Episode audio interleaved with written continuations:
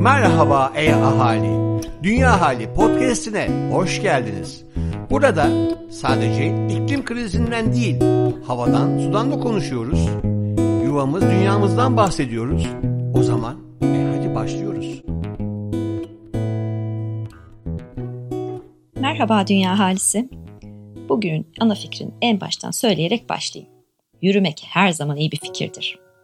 Yürümenin beden sağlığımız üzerindeki sayısız faydasının yanında farkındalıklı bir yürüyüşün bizi tazelemek, ruhumuzdaki fırtınaları dindirmek ve duru bir zihinle güne başlamak veya devam etmek gibi ödülleri vardır. Her gün yürüdüğümüz yolda bile yeni bir bakış açısıyla yürüyerek kendimize harika bir alan açabiliriz. Dr. Jeremy Sutton, farkındalıklı yürüme meditasyonu nedir ve hayatınızı nasıl etkileyebilir başlıklı yazısında şöyle demektedir. Fiziksel olarak nerede olduğunuz fark etmez. Önemli olan zihnen nerede olduğunuzdur. Farkındalıklı bir yürüyüş, gün içerisinde sayısız uyarana maruz kalan beynimizi sakinleştirmek için de bir fırsattır ayrıca.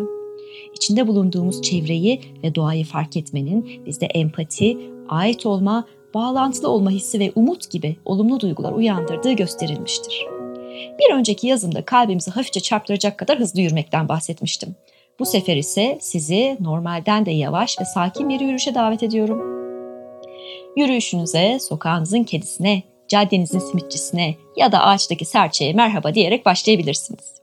Belki defalarca geçtiğiniz bir yoldan geçiyor olsanız bile o yoldan sanki ilk defa yürüyormuşçasına tüm duyularınızı kullanarak merakla çevrenizi incelemeye gayret edin. Yolunuzun üstündeki ağaçları selamlayın. Tomurcuklarını, çiçeklerini inceleyin ve kuru bir dalın nasıl böyle canlanabildiğini size gösteren topraktan her zaman ümit olduğu dersini alın. Kuşların yürek ısıtan cıvıltılarını dinleyin. Yürüdüğünüz yolda hiçbir zaman yalnız olmadığınızı fark edin. Çürümüş yaprakların ya da güneşe duran çiçeklerin kokusunu içinize çekin. Derin bir nefes almanın hafifliğini hissedin. Eğer doğanın uykuda olduğu bir mevsimdeyseniz kendinize bir demet mis kokulu çiçek hediye edip onu koklayarak da yürüyebilirsiniz. Ayağınızın altındaki yerin sağlamlığını ya da toprağın nasıl kabul edici bir şekilde ayaklarınızı kavradığını algılayın. Eğer benim gibi bir kahve severseniz mesela sabah içtiğiniz kahvenin ağzınızda bıraktığı tadı fark edin. Düşüncelerinizde kaybolmak yerine duyumsamalarınıza odaklanarak yürümenin size ne kadar iyi geleceğini göreceksiniz. Hele de yürüyüş yolunuz yeşil alanlardan ya da denizlere çıkan sokaklardan geçiyorsa ne kadar şanslısınız.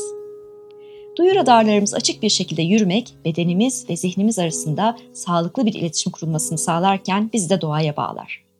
Olduğunuz yerde durun ve gökyüzüne bakarak derin bir nefes alın. Siz nefesinizi içinize çekerken sonsuz maviliğin ya da kabarık bulutların sizi içine çekmesine izin verin. Bu koskoca evrende ne kadar küçük bir nokta olduğunuzu ama kendi içinizde ne kadar büyük bir dünyaya sahip olduğunuzu ve aslında etrafta gördüğünüz her şeyle ne kadar bağıntılı olduğunuzu fark edin. Toprağı daha yakından inceleyin. Kuru yaprakların altında yaşarın hayatı, belki düştüğü toprağa ev bilip tohumunu oracıkta filizlendiren kozalağı arayın. Eğer odaklanma deneyiminizi biraz daha arttırmak isterseniz ya da sizde kuvvetli duygular oluşturan bir an yakalarsanız fotoğraf çekmeye çalışın. Bir yaprağın dantel misali yapısının, bir kuşun ürkek duruşunun, bir ağacın gökyüzüne uzanmasının size neler hissettirdiğini fark edin.